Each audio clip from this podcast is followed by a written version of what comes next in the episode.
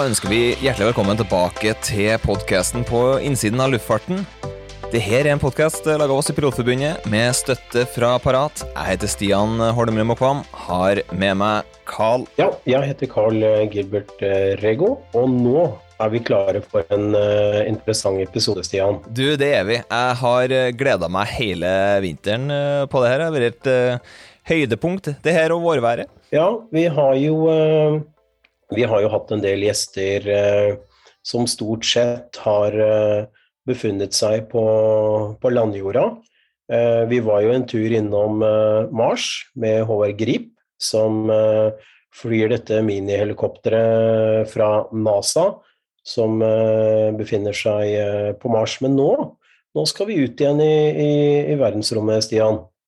Du, vi skal ta turen ut i, ut i verdensrommet igjen. Og vi har vært ekstremt heldige her nå og fått uh, besøk av meg her i studio. Nima Shahinian, velkommen. Takk, og takk for at dere vil ha meg her. Ja, Det er en sann glede for oss at uh, du ønska å, å, komme hit. Du, uh, altså, du har jo vært mye om deg i, i media, så du, du skal jo bli første nordmann i verdensrommet? Ja, hvis eh, alt går etter planen, så blir jeg jo åpenbart det, eh, sånn som ting ligger an nå. Så vi får se. Jeg håper ting går etter planen, men romfarten er jo veldig uviss, og den er usikker og lunefull. Så, så man må håpe at alt går på skinner. Det blir neste etter eh, svenske fuglesang, da? Ja, og Andreas Moggensen, som er den danske astronauten vår, som jeg også kjenner litt. Så, så ja. Men Nima, øh, du har jo drevet med utrolig mye forskjellig kan du dra oss gjennom kort eh, bakgrunnen din? Og så er vi jo veldig spente på hvordan du havnet inn i dette romprogrammet. Ja, altså veldig mange ser på bakgrunnen min og hvem jeg er, og, og lurer liksom på hvor synergiene kommer inn på, på, det jeg driver med tidligere. Det jeg driver med ellers, eh, og romfarten. Men, men, egentlig så er det en veldig rød, naturlig tråd når man begynner å tenke seg gjennom. Um, jeg blei jo født i Iran i 1987. Nei, det ble jeg ikke. Jeg flytta til Norge i 1987. Da var jeg fem år gammel. Jeg ble født i Iran i 1982. Så, så ung prøver jeg å fortelle meg sjøl at jeg fortsatt er. Prøver å dimme det ned med fem år. Men um, jeg blei født til en far som uh, var bildesigner og bilkonstruktør. Så det er klart at min tekniske interesse starta allerede der. Og, og, det var ikke bare biler det gikk i. Det handla om romfart, det handla om luftfart. Uh, jeg hadde en fetter som bygde um, sitt eget mikrofly på taket av en bygning i Teheran, som endte opp med å faktisk fly. Eh, ved et eller annet tidspunkt, eh, etter mange år som en liksom selvkonstruksjon og ikke godkjent fra luftfartsmyndigheter og sånn. Så det har, dette er interesse som har ligget i familien eh, egentlig så lenge jeg kan huske, og lenge før min tid også. Samtidig så, så, var nok drømmen å gå inn i designverden. Eh, og da snakker vi ikke den type design som lager vakre møbler og, og vakre rom, men, men innenfor tekniske feltet. Da. Eh, ønsket om å designe kjøretøy eh, både i lufta og på bakken. Eh, men så endte jeg opp med en relativt lang eh, militærkarriere, eh, hvor jeg bl.a. var i utlandet, var i felt, jobba noe med sikkerhets, ulike sikkerhetsavdelinger her i Oslo. Og så, så, endte jeg med å ta en mastergrad i, i produktdesign, hvor jeg også fordypa meg i aerodynamikk og dess like. Eh, så, så, så, det er klart at ved et eller annet tidspunkt der så bestemte jeg meg for å ta neste skrittet inn i, i romfarten. Og kom da ikke inn på første ESA-søknaden jeg sendte inn i 2008. Da mangla jeg en del formaliteter, bl.a. en mastergrad.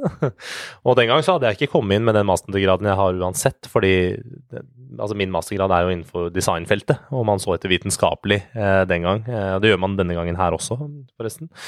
Og, men i mellomtiden så snubla jeg over et eh, kommersielt program som var fryktelig interessant og synergerte veldig godt med, med designbakgrunnen min og, og, måter å gjøre innsikt på og løse problemstillinger. Eh, og dermed så, så kom jeg inn i det programmet der.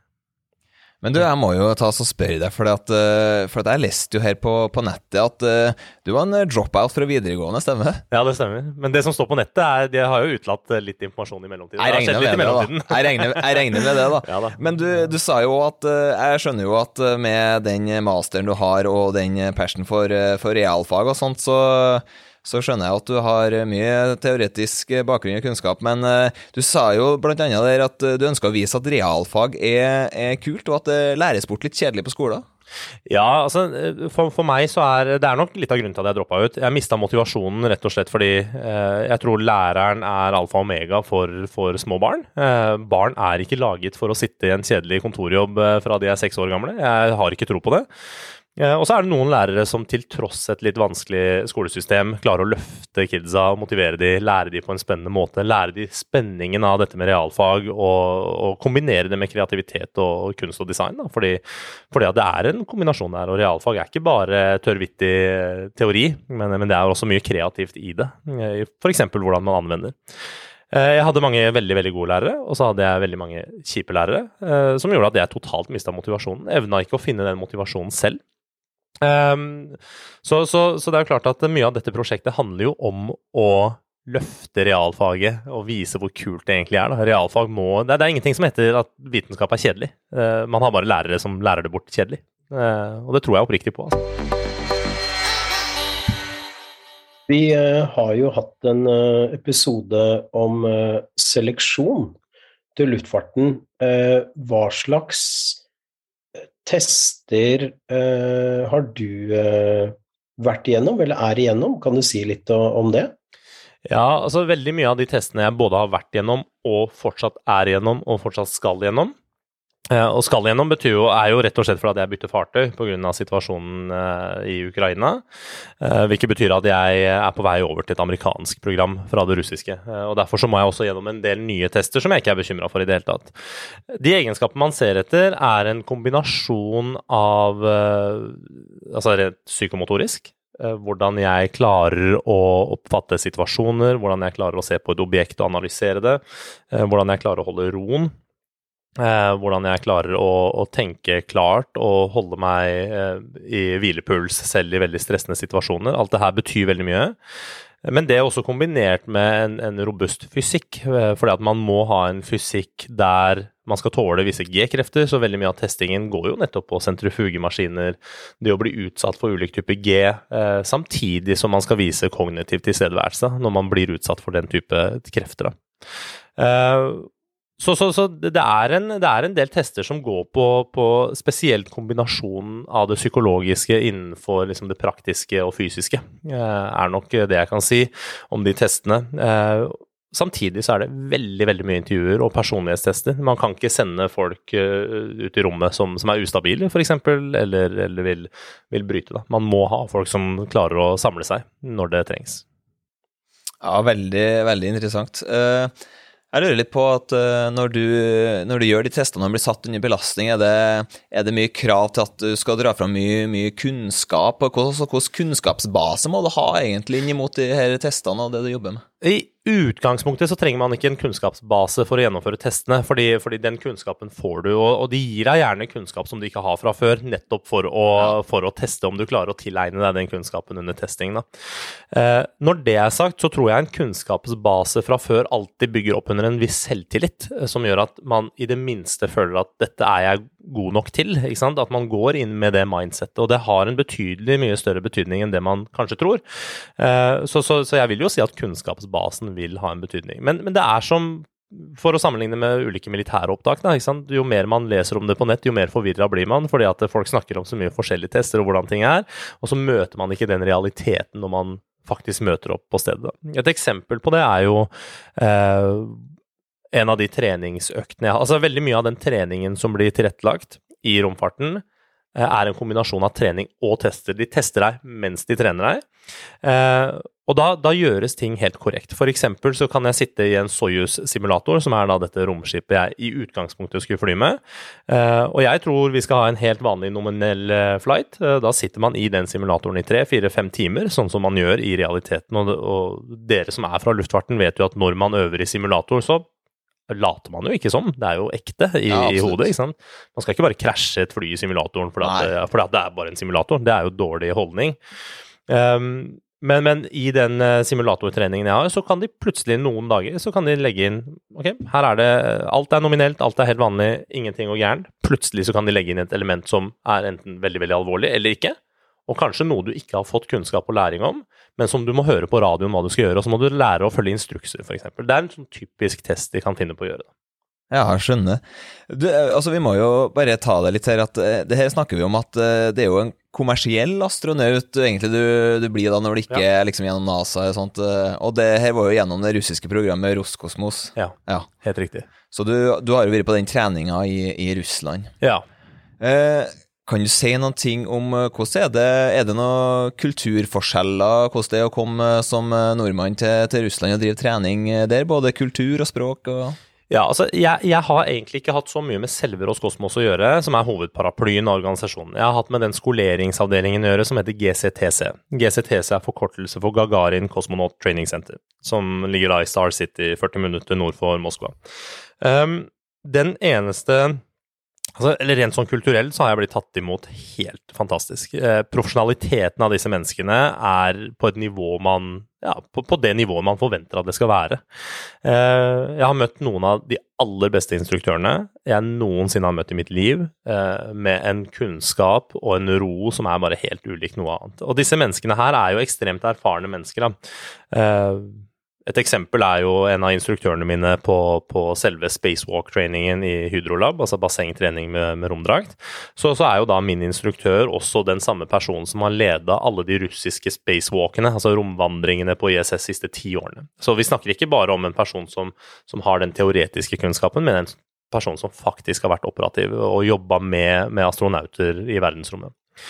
Uh, kulturforskjellen ligger nok mer i at uh, i Russland så har man hatt mer å tape rent uh, økonomisk, hvilket betyr at man har ikke mulighet og tid til å feile, og derfor så er nok forventningene til feiling, til å ikke feile, er betydelig mye høyere enn her hjemme. Her hjemme så, så merker jeg at man kan tillate å feile grann.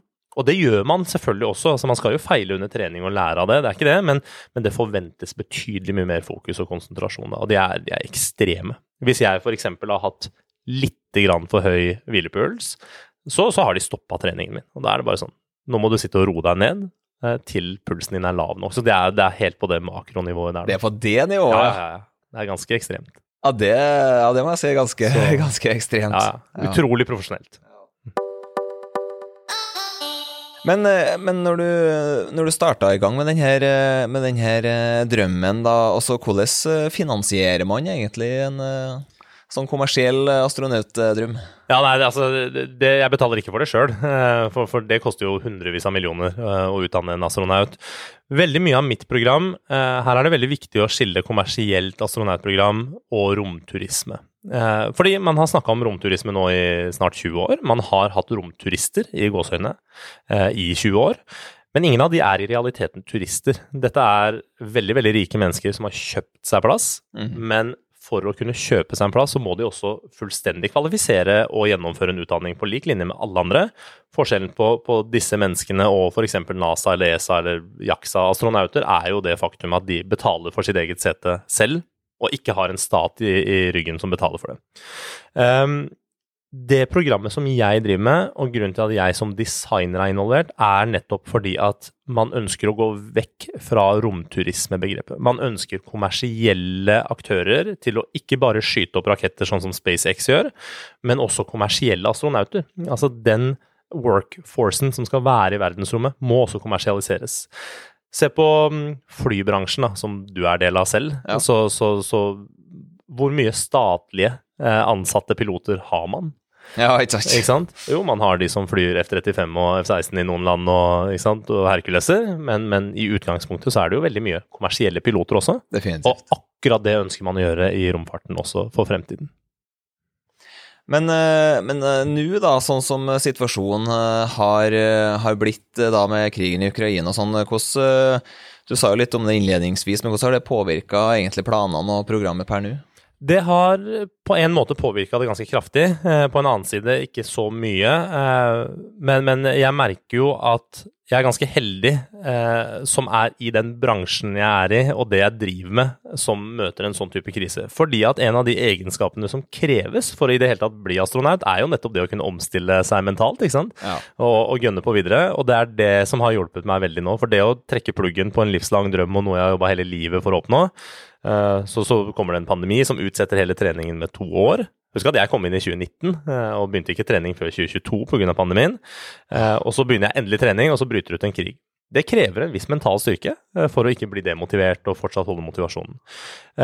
Men det som har endra planene, er jo at jeg kommer til å gå over på en helt annen fartøystype, som er et mye mer moderne fartøy. Jeg syns ikke det er like kult fartøy som det russiske. Det, er, det, det føles mye mer ekte, og det, det lukter maskinolje av Soyuz-kapselen. Ja, og jeg liker det veldig godt. Um, men eh, litt mer fancy romdrakter og litt mer fancy kapsel. Uh, og det endrer seg litt på tid. altså, Så, min flight blir nok noe ca. et kvartal utsatt, eh, mest sannsynlig. Jeg har ikke signert med SpaceX ennå, men, men jeg er i tett dialog med de og, og ganske nært uh, en kontrakt der.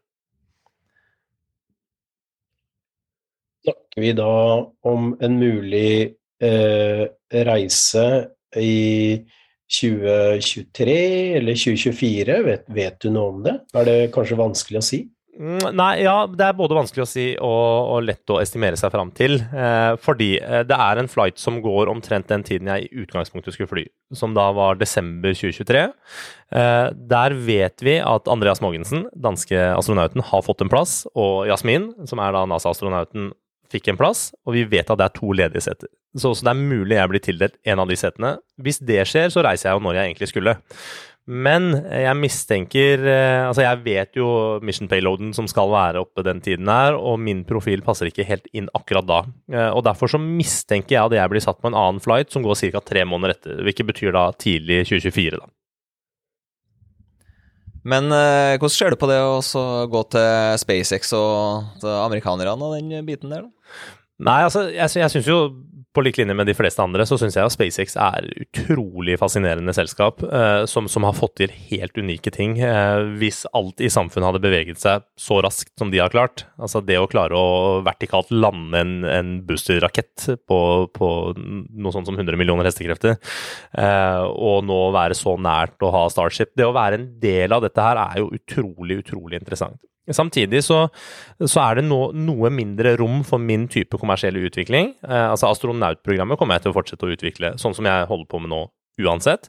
Um, men det var nok litt mer rom for utvikling hos russerne, for de var ikke like frampå hva det gjaldt kommersialiseringen. Eh, og så syns jeg nok den uh, SpaceX-maskinen er kanskje, etter mine begreper, litt jålete. jeg syns den er litt uh, polert, det syns jeg om romdraktene også, men det skal jeg klare å leve med. det ser litt sånn futuristisk ut, da. Det gjør det. Ja. Og jeg syns det er ganske kult da, hvordan de refererer til popkultur. ikke sant? Og de treffer et yngre publikum, og de har disse ground crewene som jobber på maskinene som kalles ninjaer.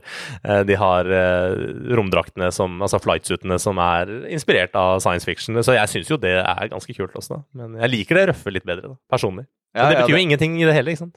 Nei, nei, nei, det, det skjønner jeg. Uh, du, altså, I tillegg, altså, du er jo, uh, som du sier, utdanna industridesigner. Uh, kan du si litt om den delen av deg? Og da, Carl han har snakka litt om at du har gjort noe design, laga noe design? Jeg har laga noe design. Jeg har utvikla veldig mye forskjellig jeg tiltrekkes nok det aerodynamiske veldig ofte. Så, så, de siste Altså, et av de prosjektene jeg jobber med i dag, er bl.a. å bygge verdens raskeste rattkjelke. Så, ja, ja, også, som, som, er et utrolig fascinerende prosjekt eh, som jeg har jobba med nå i snart ti år, med ulike kolleger som har vært inn og ut, og noen som fortsatt er der. Eh, nå er vi et ganske bra team som jobber på det. Og da er målet og Dagens rekord er på noe sånt som 135 km i timen. Og, oh. ja, og målet vårt er å, å passere 300 km-merket i hastighet kun på tyngdekraft. Så, så, de som kan litt fysikk og aerodynamikk, skjønner jo at det er en ekstrem challenge å, å, å prøve å ja, utfordre. Eh, der har vi hatt med Toyota Motorsports i Curlen, eh, som har distribuert eh, kunnskap via sin vindtunnel, hvor vi har testa modeller og driver aerodynamisk utvikling sammen med Formel 1-ingeniører. I tillegg så har jeg også designa, eller vært med og sammen med min nære kollega Anders Glossli vært med å designe kanskje den kraftigste og raskeste Lamborghinien som noensinne er bygd, Syrus LP 1200. Eh, ja, som, som, har vært et rent aerodynamisk prosjekt fra starten, og ikke handla om estetikk i det hele tatt, eller det man kaller desirability. Altså, det har ikke handla om å lage noe som er vakkert, men lage noe som er ultrafunksjonelt, da, med 1200 kilo downforce osv. Men så har jeg også jobba med mindre ting konsumerelektronikk, jeg har designa noen stikkontakter, jeg har designa liksom hverdagsprodukter og elektriske tannbørster og den slags også. Jeg, jeg, tilpasser meg veldig, men det er nok det liksom de tyngre aerodynamiske prosjektene som tiltrekker meg voldsomt. da. Neste er vel fly på, på lista, håper jeg. ja, ikke sant. Men altså, hvordan har du kapasitet altså, med alle prosjektene dine? Det må jo kreve, kreve mye? da? Ja, jeg tror, jeg tror, veldig mange blir ganske svette i øra av å høre på alt jeg holder på med. Eh, det krever veldig, veldig mye. Eh, og jeg er faktisk ikke spesielt strukturert av natur. Og jeg tror det er det ustrukturerte som gjør at jeg finner kapasitet til det. For jeg, jeg fyller liksom tiden min ganske bra, da. Det er veldig sjelden jeg sitter på toalettet uten å svare på e-poster, og det er veldig sjelden jeg eh, ligger i sofaen og bare glor i taket. jeg anbefaler folk å lære seg å gjøre det, fordi at man trenger å slappe av og hvile. Og det er liksom forbannelsen av å være meg, tror jeg. Jeg har uh, snakket litt med en uh, astronaut som heter Kevin Ford. Mm. En amerikaner som uh, jeg har hatt gleden av å, å, snakke en god del med. Og han snakket jo mye om denne følelsen av å, å være da på, på, ute, i, ute, i, verdensrommet, på internasjonale romstasjonen. Har du tenkt litt på hvordan det kommer til å være, altså hvordan det kommer til å føles å, å reise ut i verdensrommet. Det er jo egentlig helt ekstremt når man tenker på det. Ja, jeg, jeg, tenker veldig veldig mye på, på, akkurat det. Og det er veldig mange ganger har, altså, i livet mitt hvor jeg har tenkt at hm, jeg lurer på hvordan det jeg gjør nå, skal føles hvordan det føles å være akkurat her. Jeg husker første gangen jeg dro til Afghanistan, så, så var det surrealistisk. Afghanistan var noe man så på liksom, filmer sånn som Rambo 3 og i, i, litteratur, ikke sant. Og så plutselig så står man på bakken der sjøl, kjenner den tørre lufta og støvet og, og synet av disse ørkenlandskapene som, som bare går ut i horisonten.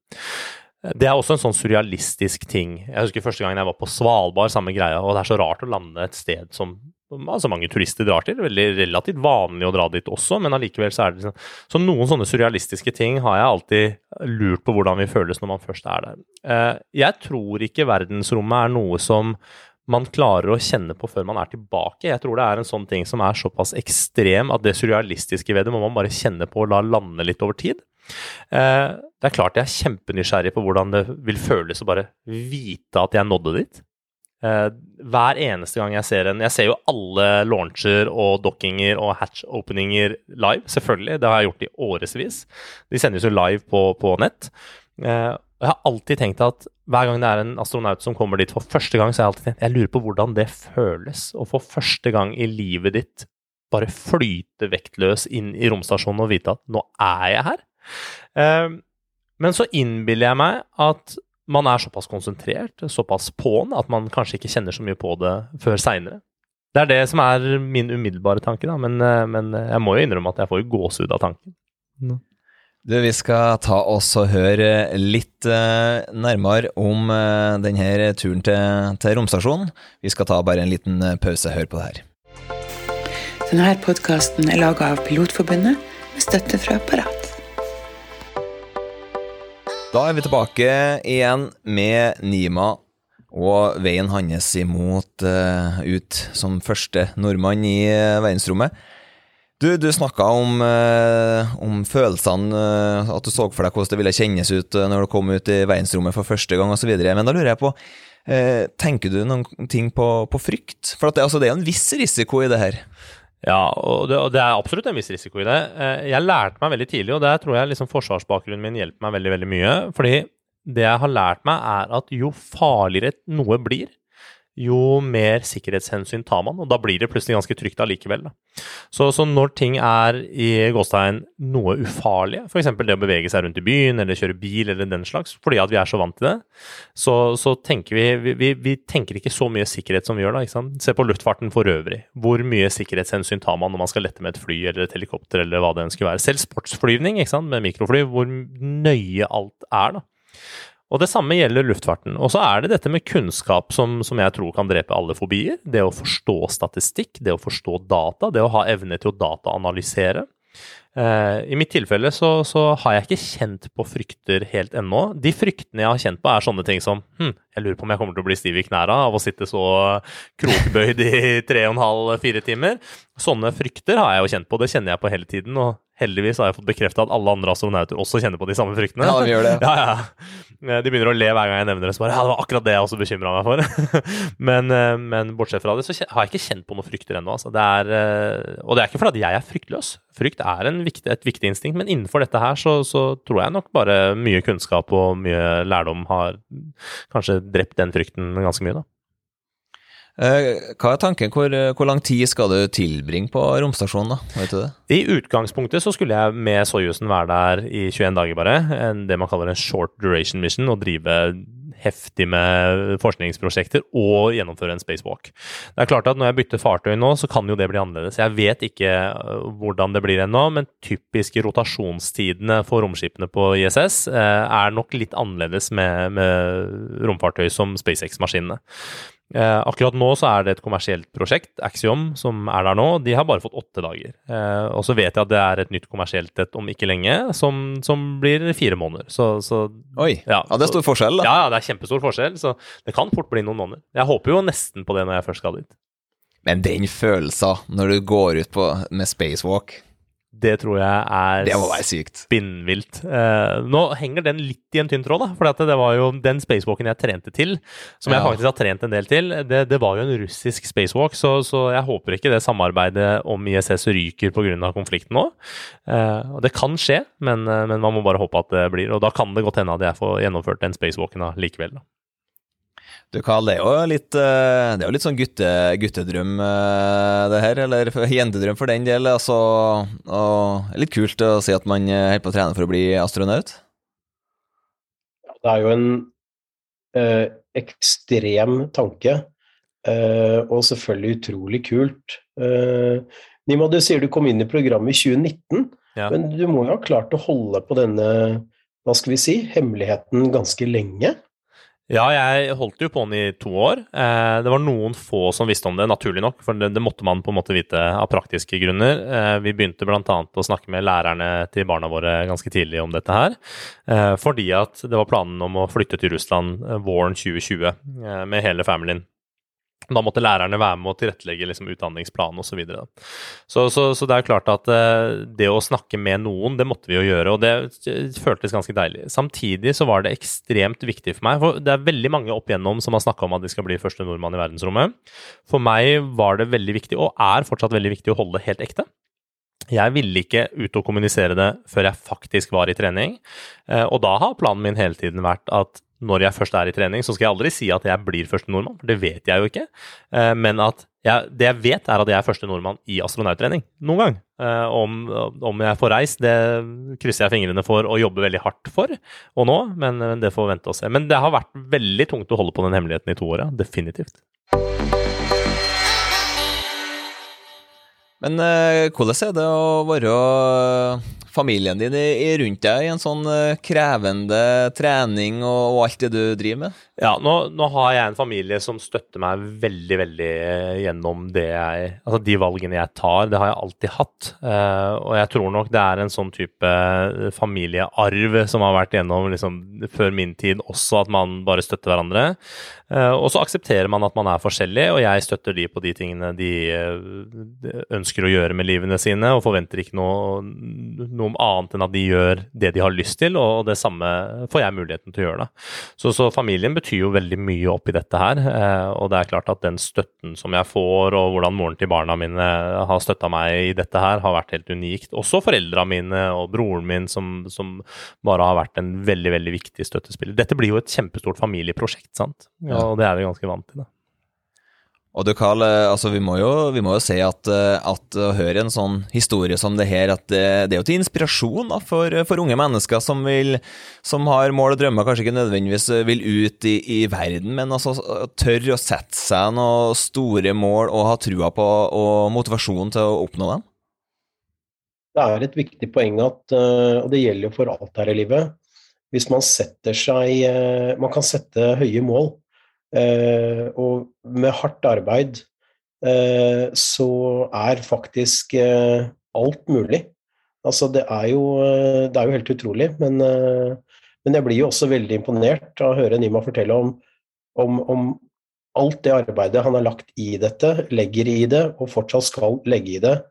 Eh, å være så fokusert, det er imponerende, rett og slett.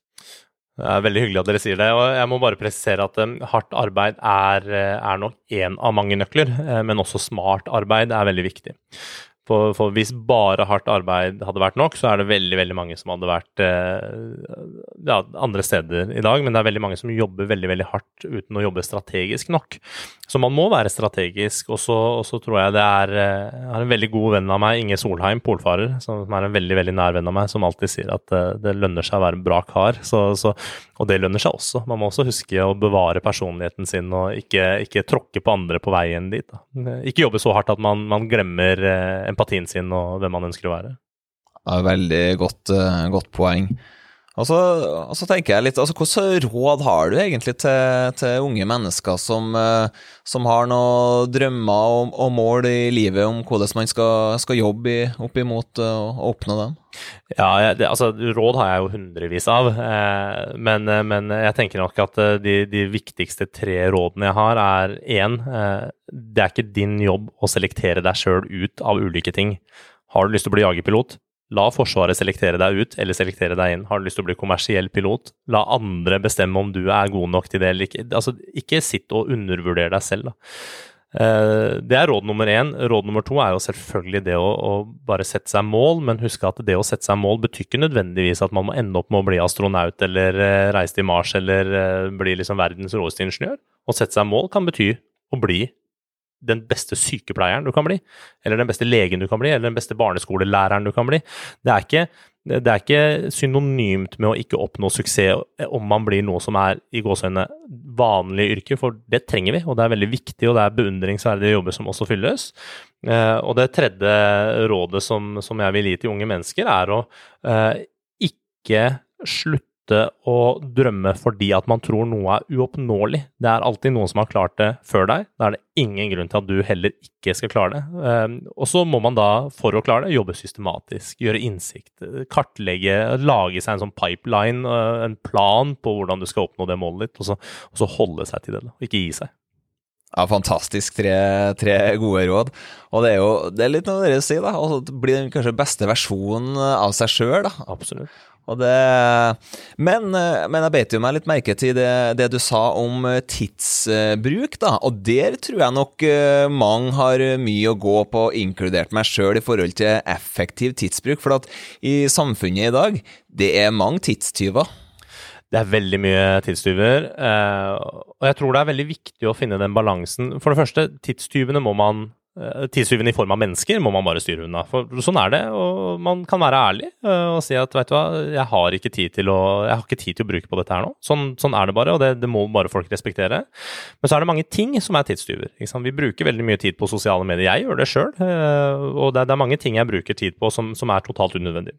Når det er sagt, så tror jeg det er veldig viktig å ikke bli for stressa på det heller, fordi hvis livet blir og det her er min subjektive mening. Jeg mener at noen ganger så skal man kunne slappe av. Noen ganger så skal man kunne lukke øya, bare ikke gjøre noen ting. Eller bare sitte og surfe på øh, sosiale medier, eller bare se noe søppel på TV. Noen ganger så er det også viktig. Da. Så, så jeg mener at man må ikke bli så strebersk heller at absolutt alt skal være ultraeffektivt hele tiden. Eh, noen ganger så er det veldig, veldig viktig å senke pulsen. Og så må man huske at det i seg selv er en funksjon, sant. Det å kunne hvile på kveldene, koble ut hodet litt, det gjør bare at du presterer litt bedre dagen etter. Så hvis du holder det overeffektivt også hele døgnet, så, så ender du med å, å, prestere dårlig etter hvert. For at du er aldri uthvilt. Ja, ikke sant. Nei, men eh, det er vel noen ting med det å Man skal nyte livet òg, og sette pris på, på, alle aspekter med det. Ha sunne holdninger til det, mener jeg. Ja, definitivt. Du Carl, vi, vi går imot, uh, imot uh, slutten her, men uh, jeg må si at jeg, jeg føler jo når man sitter her attmed en uh, såpass oppegående og smart uh, type som Nima, så jeg tror han er litt høyere IQ enn oss. Ja, det, det, det tror jeg også. Det tror ikke jeg. Uh, det, skal bli, det, skal bli, spennende å følge, følge deg videre. og jeg vil jo bare si lykke, lykke til. Vi krysser alle fingre og håper du kommer deg ut i verdensrommet. Tusen, tusen, tusen takk. Og jeg tror absolutt ikke at jeg har høyere IQ enn dere. Og det dere gjør, er også utrolig beundringsverdig. Både podkasten og det dere gjør av flyveyrkene deres ellers. Så, så masse kred tilbake. Og tusen takk for at jeg fikk komme. Jo, takk for det. det. Det var veldig hyggelig at du, du, hadde anledning til å komme. Og jeg tror nok at uh, alle lyttere, og egentlig hele Norge, vi blir jo litt patriotiske sånn og heier heie på deg. Få, få nordmann ut i verdensrommet. Det, det blir nok kjempestort. Så lykke til videre på den ferden. Tusen takk. Vi, vi, skal møtes snart igjen til, til nye innspillinger, Vikal. Og vi tar imot gode råd fra våre lyttere om ønsker om gjester og tematikk. De kan sende inn det til oss hvis de ønsker det. Så skal vi se hva vi klarer å oppfylle. I mellomtida så ønsker vi alle sammen en fortsatt fin dag. og ta Nima sitt eh, gode råd. Ta Bruk tida effektivt, men husk å slappe av og nyte livet litt òg. Og så snakkes vi plutselig igjen. Ha det. Det gjør vi. Ha det bra.